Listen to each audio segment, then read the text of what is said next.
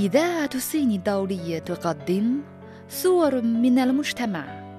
وهو برنامج يعكس صورا عن معيشة عامة الناس ويمشي مع إيقاعات التطور والتقدم ويبحث عن السعادة والرغادة.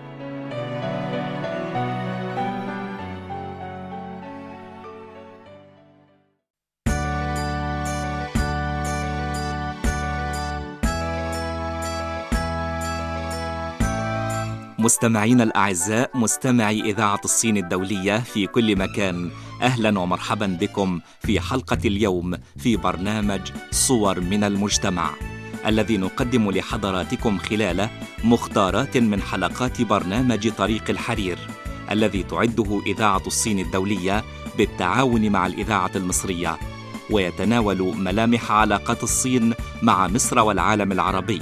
ويناقش القضايا الاقتصادية والثقافية والاجتماعية في الدول على امتداد الحزام والطريق. ونتمنى أن تقضوا معنا أوقاتا سعيدة.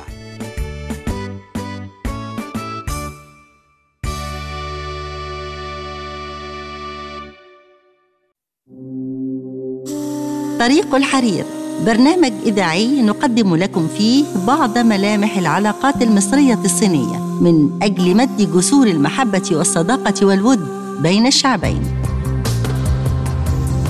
طريق الحرير فقرات متنوعة نعرض فيها للثقافة والسياحة والاقتصاد والعادات والتقاليد في مصر والصين. طريق الحرير يأتي إليكم بالتعاون بين الإذاعة المصرية وإذاعة الصين الدولية. طريق الحرير الصين بعيون مصرية. من القاهرة نرحب بكم أعزائي المستمعين في حلقة جديدة من طريق الحرير. طريق الحرير يأتيكم عبر أثير الإذاعة المصرية بالتعاون مع إذاعة الصين الدولية لتعزيز أواصر المحبة والود بين مصر والصين. في حلقات طريق الحرير نقدم فقرات عديدة ومتنوعة تشمل المجتمع والاقتصاد والسياحة والثقافة بالإضافة إلى فقرتنا الصين بعيون عربية. طريق الحرير تقدمه لكم. وفاء ناجي. وحسن الشاذلي. في حلقة اليوم نقدم لكم أولاً فقرة الصين بعيون عربية والتي نتعرف من خلالها على كيفية نطق اللغة الصينية من خلال الاستماع إلى بعض الكلمات الصينية ومعرفة معنى تلك الكلمات. وفي فقرة المجتمع نتحدث عن مشروع عاش هنا وحكاية ماما لبنى في الاقتصاد اجتماع الرئيس الصيني مع مندوبين أجانب في منتدى الاقتصاد الجديد 2019 في بكين. وفي الفقرة السياحية ومشاركة وزيرة السياحة المصرية في الجلسة العامة لمنتدى بلومبرج للاقتصاد الجديد. والختام كالمعتاد بالفقرة الثقافية وكتاب صيني يتصدر المبيعات في معرض الكويت الدولي. وفي الثقافة أيضاً أكاديمية فنون وعلوم الصورة المتحركة المنظمة للأوسكار تعتمد مهرجان القاهرة السينمائي الدولي. كل هذا وأكثر سيأتيكم عبر أثير الإذاعة المصرية من القاهرة.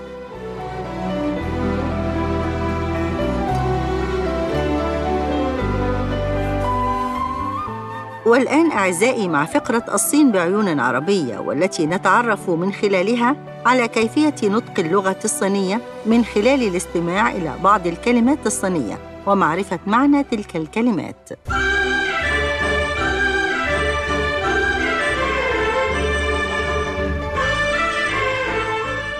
ساعة اليد باللغة الصينية تعني 手表 قبل ثمانينيات القرن الماضي كانت الساعة تعد من الكماليات الفاخرة في الصين وكان سعر ساعة اليد بماركة صينية مشهورة ب 120 يوان أي ما يعادل راتب ستة أشهر لعامل عادي. أما إذا كانت الساعة السويسرية الصنع فثمنها بالطبع أكثر بكثير وكانت الساعة تلازم البعض دائما حتى في فراشهم. وفي فصل الشتاء وبالرغم من برودة الجو كان هناك من يشمر عن ساعده لإظهار ساعة المعصم. والطريف أن البعض كانوا عندما يريدون معرفة الوقت يقومون بعمل حركات مبالغة لجذب انتباه الآخرين لساعاتهم الغالية المميزة. وقد شهدت الأجيال التي ولدت في خمسينيات وستينيات القرن الماضي التغيرات الهائلة التي شهدتها الصين خلال مرحلة الإصلاح والانفتاح في جوانب عديدة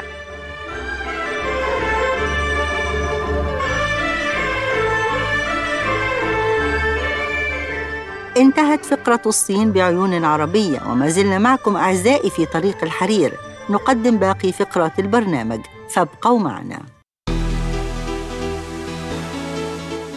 الصديقات والأصدقاء مرحبا بكم في متابعة البرامج الجديدة لأسرة القسم العربي بإذاعة الصين الدولية.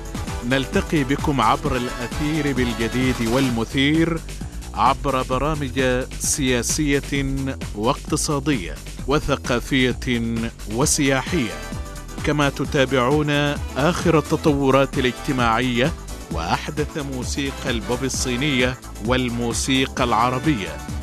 للمزيد من المعلومات تفضلوا بتصفح موقعنا على الإنترنت arabic.cri.cn إذاعة الصين الدولية.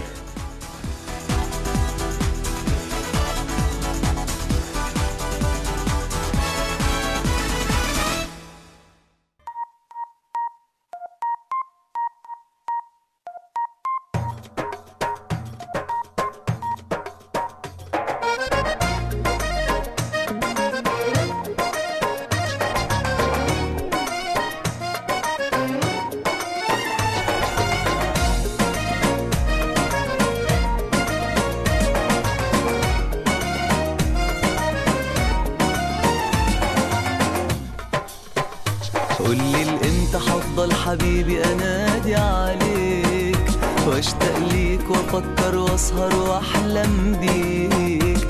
قولي الامتى هفضل حبيبي انادي عليك. واشتاق ليك وافكر واسهر واحلم بيك. كلمة واحدة حبيبي تقولها تريحني أنا. ده انت عندي الحياة والدنيا وانت روحي أنا. وانت بس اللي نفسي أعيش معاه كل الحياة.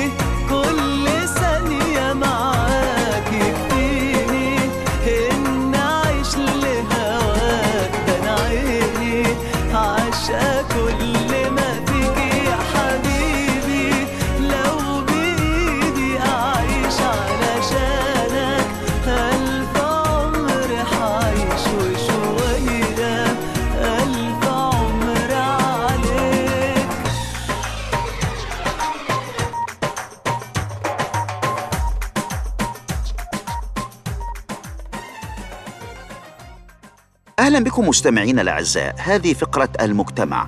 نتحدث اليوم عن مشروع عاش هنا وحكاية ماما لبنى. افتتح مشروع عاش هنا الدكتورة إيناس عبد الدائم وزيرة الثقافة. وأطلق هذا المشروع الجهاز القومي للتنسيق الحضري بهدف تكريم رموز مصر من المبدعين والمفكرين. وهذا التكريم يتم من خلال تركيب لوحات على المنازل التي عاشوا فيها وكانت بداية المشروع في أوائل عام 2017 وهو عبارة عن وضع لوحة معدنية على المباني التي عاش بها شخصيات أثرت في حضارتنا الحديثة والمعاصرة بهدف التكريم والتوثيق لرموز الفن والثقافة في مصر. يكتب على اللوحة الاسترشادية تاريخ ميلاد ووفاة كل فنان مع كيفية تطبيق استخدام QR وهو تطبيق تستطيع من خلاله الدخول إلى قاعدة بيانات البيت والشخصيات التي عاشت فيه ويتم وضع هذه اللوحة على بوابة العمارة. ويستخدم التطبيق عن طريق الهواتف الذكية فكل لافتة يتم وضعها تقدم نبذة مختصرة عن أهم أعمال كل فنان وتاريخه. ويستخدم هذا التطبيق عن طريق الهواتف الذكية كما أشرنا وتشرح بالتفاصيل كل أعمال كل فنان وصورهم الشخصية حيث إن هذا المشروع يعد توثيقا مهما للأجيال المقبلة التي لا تعلم الكثير عن رموز الدولة. من تلك الأسماء والتي أدرجت ضمن مشروع عاش هنا اسم ماما لبنى. ذلك لتخليد اسمها ضمن رموز مصر. وقد وضع التنسيق الحضري لافتة تحمل اسم ماما لبنى على باب منزلها وعنوانها الذي يقع في السادس عشر من شارع أحمد مختار حجازي بمنطقة المنيل بالقاهرة. ولدت نتيلة راشد والتي تسمى ماما لبنى في عام 1934 في أسرة ميسورة الحال. اهتمت ماما لبنى بالأطفال وببنائهم بنيانا سليما كما اهتمت بالتواصل معهم. فابتكرت باب مراسل سمير الصحفي الناشئ لرعاية أجيال من الأطفال وتعليمهم الصحافة وقواعدها وأكثر من التحقوا بالباب كانت تنتشر موضوعاتهم الصحفية وحواراتهم في مجلة سمير مع صورهم وهم لم يتعدوا الرابعة عشر من العمر. كانت تحرر لهم مقالا أسبوعيا تحت اسم أولادي حبايب قلبي. التحقت ماما لبنى بالعمل في مجلة سمير للأطفال في إبريل 1956 ثم شغلت منصب رئيس التحرير من عام 1966 وحتى 2002 وحشدت للعمل في المجلة كبار الكتاب والرسامين وفي البداية كان تصميم شخصية سمير بريشة الفرنسي بيرني ثم انضم للمجلة رسامون بقامة حجازي وبهجة وناجي. بالإضافة إلى وجود كتاب كبار أمثال نجيب محفوظ أحمد رجب سيد حجاب يوسف السباعي وتوفيق الحكيم وغزت المجلة كل بيوت مصر. رافعة شعار من سن ثمانية إلى سن ثمانية وثمانين. وترجمت بعض أعمال ماما لبنى إلى اللغة الإنجليزية وترجمت هي نفسها بعض الأعمال عن الإنجليزية لتصدر هذه وتلك عن دار الهلال التي ارتبط اسمها باسم ماما لبنى. في عام 1956 تزوجت من الكاتب عبد التواب يوسف وأنجب أولادهما الثلاثة وشغلت منصب أمينة لجنة ثقافة الطفل بالمجلس الأعلى للثقافة. وانتهت حكاية ماما لبنى بوفاتها في السادس والعشرين من مايو عام 2012 تاركة خلفها إبداعا لا ينتهي. والجدير بالذكر أن ماما لبنى قد حصلت على جائزة الدولة في أدب الأطفال عام 1978 وعلى وسام العلوم والفنون من الطبقة الأولى. وصلنا لنهاية فقرة المجتمع. فاصل ونعود إلى حضراتكم ولكن بعد قليل. ابقوا معنا. رحمة لي وي مشيرة جوجن نقدم لكم برنامج تبادلات أودية يركز على تعزيز عواصر الصداقة ودفع العلاقات الأودية الراسخة بين الشعب الصيني والشعوب العربية. تقارير ساخنة تحليلات متخصصة تعليقات الخبراء. شمس دين والمراسل العرب والصينيون يقدمون لكم تقارير سياسية واقتصادية والثقافية يومية. تقارير المراسلين من إذاعة الصين الدولية. الثقافة والفنون الصينية.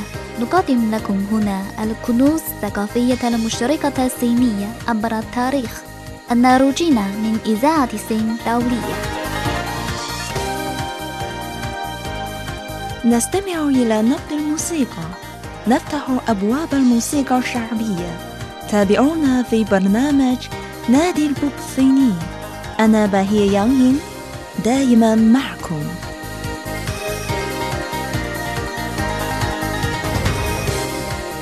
هنا CRI إذاعة الصين الدولية. هذا فريقنا الإذاعي. نرافقكم كل يوم. كل يوم. كل يوم.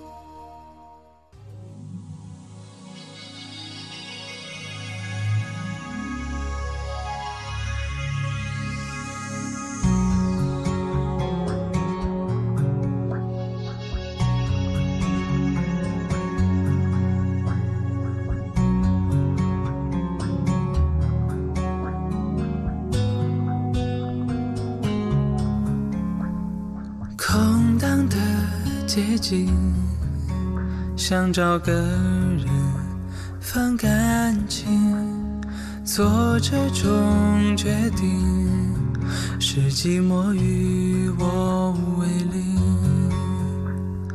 我们的爱情，像你路过的风景，一直在进行，脚步却从来不会为我而停。给你的爱一直很安静，来交换你偶尔给的关心。明明是三个人的电影，我却始终不能有姓名。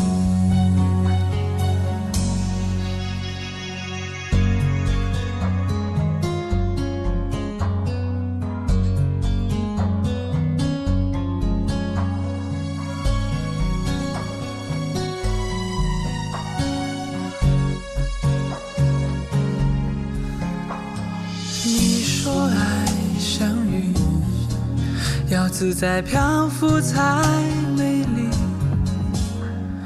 我终于相信，分手的理由有时候很动听。给你的爱一直很安静，来交换你偶尔给的关心。明明是三个人的电影。我却始终不能有姓名。一直很安静，我从一开始就下定决心，以为自己要的是曾经，却发现爱一定要有回应。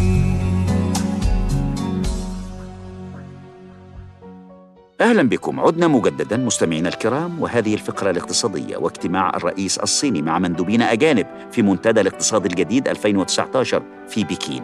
حيث قال فخامة الرئيس الصيني شي جين بينغ إن الحلم الصيني المتمثل في تجديد الشباب الوطني ليس بأية حال من الأحوال سعيا إلى الهيمنة وأعرب الشي عن ثقته التامة في مستقبل التنمية الصينية مشيرا إلى أن بلاده لا تنتوي أن تحل محل أية قوة بل تهدف إلى استعادة الكرامة والمكانه اللتين تستحقهما.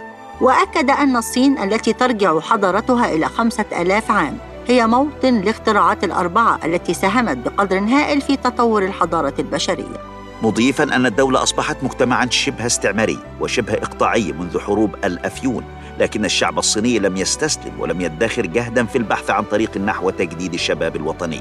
وأكد شي على أن التغيرات الجذرية وقعت منذ تأسيس جمهورية الصين الشعبية قبل سبعين عاماً وأن ما كانت عليه الدولة الصينية. قبل ذلك الوقت لن يتكرر أبداً.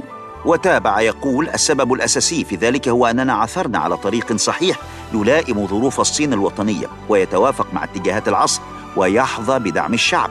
ذلك الطريق هو الاشتراكيه ذات الخصائص الصينية. وأكد شي أن الصين بثقة تامة ستمضي بثبات على الطريق وأشار إلى أن الابتكار هو واحد من سمات العصر الرئيسي ومع مرور العالم بتغيرات قلما شهد مثلها في قرن بأكمله تتمثل في انطلاق جولة جديدة من الثورة التكنولوجية والتحول الصناعي السريع.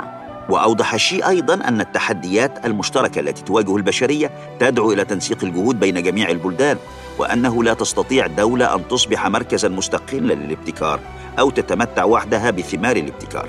وأنه يتعين أن تعود منافع الابتكار على العالم بأسره بدلاً من إخفائها.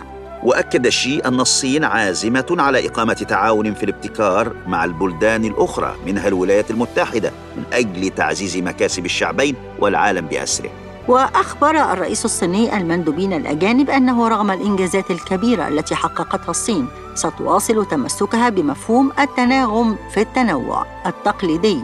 وبطريقة التنمية السلمية وبالنضال من أجل تحقيق التعاون متبادل النفع مع البلدان الأخرى. وأكد الشي أن الصين تعتزم التمسك بالإصلاح والانفتاح من خلال ابتكارات جريئة وبأسلوب تحسس الصخور عند عبور النهر. وأردف قائلا كلما زادت المقاومة أمامنا زاد عزمنا على تعزيز الانفتاح ولدي ثقة في آفاق التنمية المستقبلية للصين. وحضر الاجتماع كل من وزير الخارجية الأمريكي الأسبق هنري كيسنجر ووزير الخزانة الأمريكي الأسبق هنري بولسون ووزيرة السياحة المصرية رانيا المشاط ووزير الخارجية الياباني الأسبق يوريكو كاواغوتشي والرئيس التنفيذي لمجموعة كريديت سويس تيجان صيام. حيث تبادلوا الآراء وأعربوا عن دعمهم للتعاون الابتكاري. وقد شارك في منتدى الاقتصاد الجديد 2019 الذي ركز على اتجاهات التنمية والأثار الاجتماعية للابتكار أكثر من 500 مندوب من أكثر من 60 دولة حول العالم. هكذا انتهت فقرتنا الاقتصادية أعزائي. نذهب معكم لفاصل قبل أن نعود إلى فقرتنا السياحية. فانتظرونا. هنا نافذة للتعرف على الصين والعالم. هنا شبكة لمعرفة الأصدقاء الصينيين. أنقر فيسبوك وتويتر وتابع CRI Arabic لتتضح لك الرؤية بشكل أروع.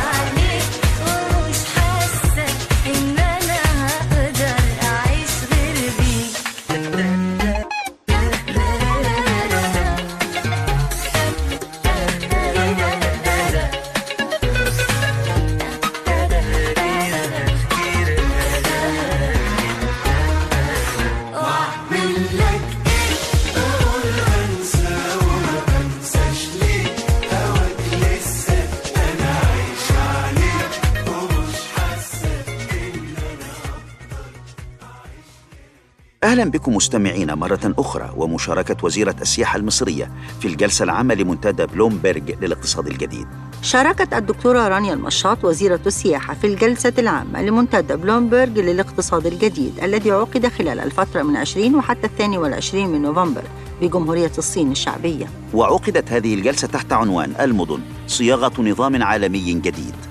تناولت الجلسة الحديث عن أهمية تبني الحكومات استخدام تكنولوجيا المعلومات والاتصالات لبناء مدن ذكية وأكثر استدامة لمواطنيها وزوارها بما يساهم في تحسين مستوى المعيشة وكفاءة الخدمات ويعزز من التنمية المستدامة.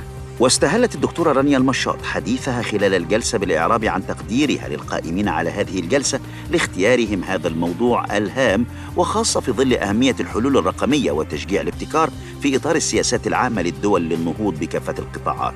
نظرا لما لها من تأثير كبير على كفاءة الإدارة والاستدامة مشيرة إلى أن هناك ما يقرب من نصف سكان العالم يعيشون اليوم في المدن وفقا للمؤشرات العالمية لعام 2018 وأنه من المتوقع أن يرتفع هذا الرقم إلى 68% بحلول عام 2050 وأوضحت الوزيرة أن النمو المتزايد للسياحة الحضرية يخلق أيضا تحديات هامة من حيث استخدام الموارد الطبيعية والتغيرات البيئية والأثر الاجتماعي والثقافي في المدن. ومن هنا جاءت ضرورة تحول المدن لأن تصبح مدنا ذكية ومستدامة. بما يساهم في فتح مجالات جديدة للنمو الاقتصادي والكفاءة وتوفير حياة أفضل للمواطنين. كما تحدثت الوزيرة عن أهمية أن تنتهج حكومات الدول نهجا استباقيا تجاه النمو التكنولوجي من خلال صياغة سياسات خاصة بالتحول الرقمي وهو ما يساهم في اتخاذ القرارات بصورة أفضل. مؤكدة على أن التحول إلى الاقتصاد الرقمي أصبح الآن أولوية وطنية لدعم الإصلاح الاقتصادي الحالي الذي شرعت فيه مصر بالفعل. ولافتة إلى أن السياحة تعتبر جزءا لا يتجزأ من عملية التنمية الاقتصادية حيث يجب توظيفها والاستفادة منها من خلال بيئة عمل رقمية على الصعيدين الوطني والعالمي. وأوضحت أن قطاع السياحة المصرية أصبح يعمل وفقا لمنهج علمي وتعتمد صناعة القرار فيه الآن على وضع سياسات وإجراءات استباقية لجعله أكثر صلابة وقدرة على تخطي الأزمات وليس الاعتماد على سياسة رد الفعل. وأشارت الدكتورة رانيا المشاط إلى أن جعل المدن ذكية ليس هدفا في حد ذاته لكنه وسيلة لتحقيق الأهداف المرجوة. لافتة إلى أن المدن الذكية لا يجب أن تقتصر على التحول الرقمي فقط إنما تستهدف استخدام التكنولوجيا وتطوير البيانات بما يساهم في ارتقاء المجتمعات وتوفير حياة أفضل للمواطنين. وأشارت إلى أن الهدف الحادي عشر من أهداف الأمم المتحدة السبعة عشر للتنمية المستدامة يهدف إلى تحقيق مدن ومجتمعات شاملة وآمنة ومرنة ومستدامة. كما أن 70% من هذه الأهداف السبعة عشر يمكن تطبيقها في هذا الإطار لافتة إلى أن وزارة السياحة تتبنى تطبيق هذه الأهداف في قطاع السياحة المصري. وخلال الجلسة أكدت الوزيرة على التعاون والتنسيق المستمر بين الحكومة والقطاع الخاص للنهوض بقطاع السياحة المصري لافتة إلى ما قامت به وزارة السياحة لإنجاح برنامج الإصلاح الهيكلي لتطوير قطاع السياحة والذي أطلقته الوزارة في نوفمبر الماضي. وذلك من خلال وضع رؤية موحدة للقطاع بالتعاون مع كافة الأطراف ذات الصلة من حكومة وقطاع خاص. هكذا أعزائي المستمعين وصلنا معكم لنهاية فقرتنا السياحية في حلقة اليوم. فاصل ثم نعود إليكم فانتظرونا. خدمة إعلامية متكاملة. قراءة استماع مشاهدة متعة بلا حدود. شاينا نيوز شاينا راديو شاينا تي في ثلاثة تطبيقات جديدة للأجهزة المحمولة. تطلقها إذاعة الصين الدولية من بكين.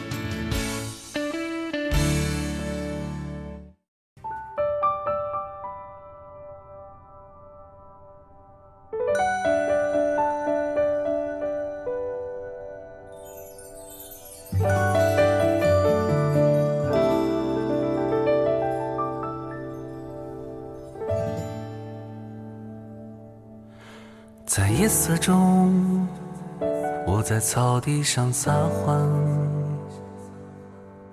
穿过樱花丛林，旧的城墙一下子跑得很远，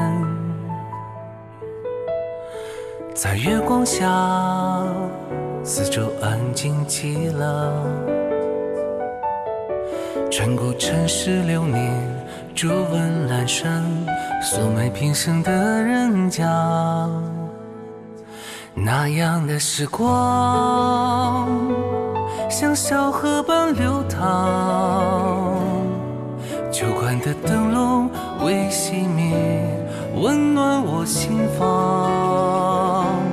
明亮的前方，提醒我活着的念想。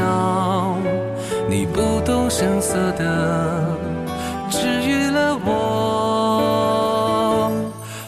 多想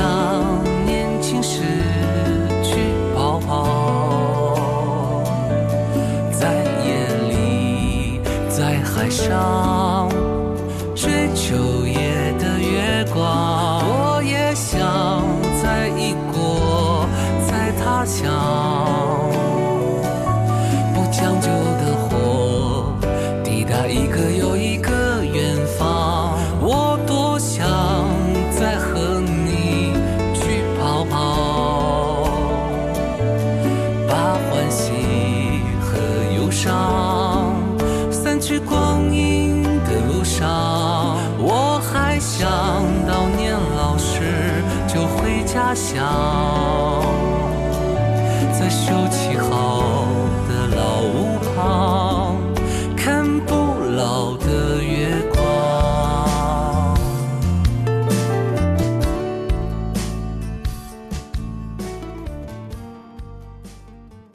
عدنا معكم مستمعينا الكرام وهذه فقرتنا الأخيرة الفقرة الثقافية وكتاب صيني يتصدر المبيعات في معرض الكويت الدولي. قال شيا يانغ أحد الناشرين الصينيين المشاركين في معرض الكويت الدولي للكتاب إن رواية حلم الغرفة الحمراء هو أفضل كتاب حقق مبيعات مرتفعة بعد الساعات الأولى من انطلاق المعرض. وأوضح شيا يانغ ممثل دار نشر من الصين أن النسخة العربية من الكلاسيكيات الأربعة للأدب الصيني تحظى بشعبية كبيرة في هذا المعرض وتباع جيداً. حيث إن دور النشر الصينية تبيع مئات النسخ من قصص الأطفال الشعبية في الصين التي تم ترجمتها إلى العربية والإنجليزية والعديد من الكتب عن الثقافة الصينية. وتابع أيضاً نحن متخصصون في نشر الثقافة الصينية ويتم نشر إصداراتنا بعدة لغات منها العربية لأن جمهورها متعلمون ويرغبون في القراءة. وفي حفل الافتتاح قال محمد الجبري وزير الإعلام الكويتي ووزير الدولة لشؤون الشباب إن المعرض الخاص بالكتاب له أهمية كبيرة لكل من يهتم بالثقافة داخل وخارج الكويت. وقال شي يانغ لقد فوجئنا برغبة الكويتيين في قراءة القصص الصينية وأنا أتفق تماما مع تصريحات الوزير متابعا أن في العام الماضي عندما حضرنا المعرض بيعت جميع الكتب الرومانسية باللغتين العربية والإنجليزية. وأشار إلى أننا جلبنا هذا العام مزيدا من الروايات الصينية الكلاسيكية لا سيما الأدب الكلاسيكي الصيني الأربع مثل نسخة حلم الغرفة الحمراء التي تعد واحدة من أعظم الروايات في الصين. وفي الثقافة أيضا أكاديمية فنون وعلوم الصور المتحركة المنظمة للأوسكار تعتمد مهرجان القاهرة السينمائي الدولي. فقد أعلن مهرجان القاهرة السينمائي الدولي عن اعتماده من قبل أكاديمية فنون وعلوم الصورة المتحركة التي تنظم حفل توزيع جوائز الأوسكار سنوياً. وأوضحت إدارة المهرجان في بيان أن مهرجان القاهرة أصبح من خلال هذه الخطوة قادراً على تأهيل أفلامه للمنافسة على جوائز الأوسكار واعتباراً من دورته المقبلة التي ستقام في نوفمبر 2020 وذلك على غرار مهرجانات برلين وكان وفينيسيا. أشارت أيضا إلى أن أفضل فيلم في مسابقة مهرجان القاهرة القصيرة سينما الغد سيكون مؤهلا للمنافسة في فئة الفيلم القصير روائي أو تحريك ضمن جوائز الأوسكار دون الحاجة لعرضه تجارياً. وقال محمد حفظي رئيس مهرجان القاهرة نحن فخورون جدا بأننا ننضم إلى قائمة المهرجانات المؤهلة للأوسكار ونشكر أكاديمية فنون وعلوم الصورة المتحركة على دعمها للمهرجان. كما أضاف أن هذه الخطوة يمكن اعتبارها اعتماد جودة مهرجان القاهرة وبرنامج أفلامه السنوي الذي يتكون من أفلام مبتكرة يقدمها أكثر صناع الأفلام المبدعين. والنشطين دولياً. وتابع أن فرصة الوصول إلى هذا النوع من التقدير سوف يساعد صناع الأفلام على جذب انتباه العالم بحكايات رائعة في صورة أفلام قصيرة. وإلى هنا أعزائي المستمعين نكون قد انتهينا من فقرتنا الثقافية في طريق الحرير وانتهينا من حلقة اليوم. نتمنى أن تكون فقرتنا نالت إعجابكم. مستمعينا في كل مكان. إلى اللقاء وحلقة جديدة من طريق الحرير. كان معكم في حلقة اليوم حسن الشاذلي وفاء ناجي. رئيس التحرير. فضل فايز. فريق الاعداد هبة رجب. ولاء العقاد. منى حسن. الإخراج. عدنان لي. وهندسة الصوت كان معنا الزميل كريم سيد. مستمعينا الأعزاء في طريق الحرير كلنا شر.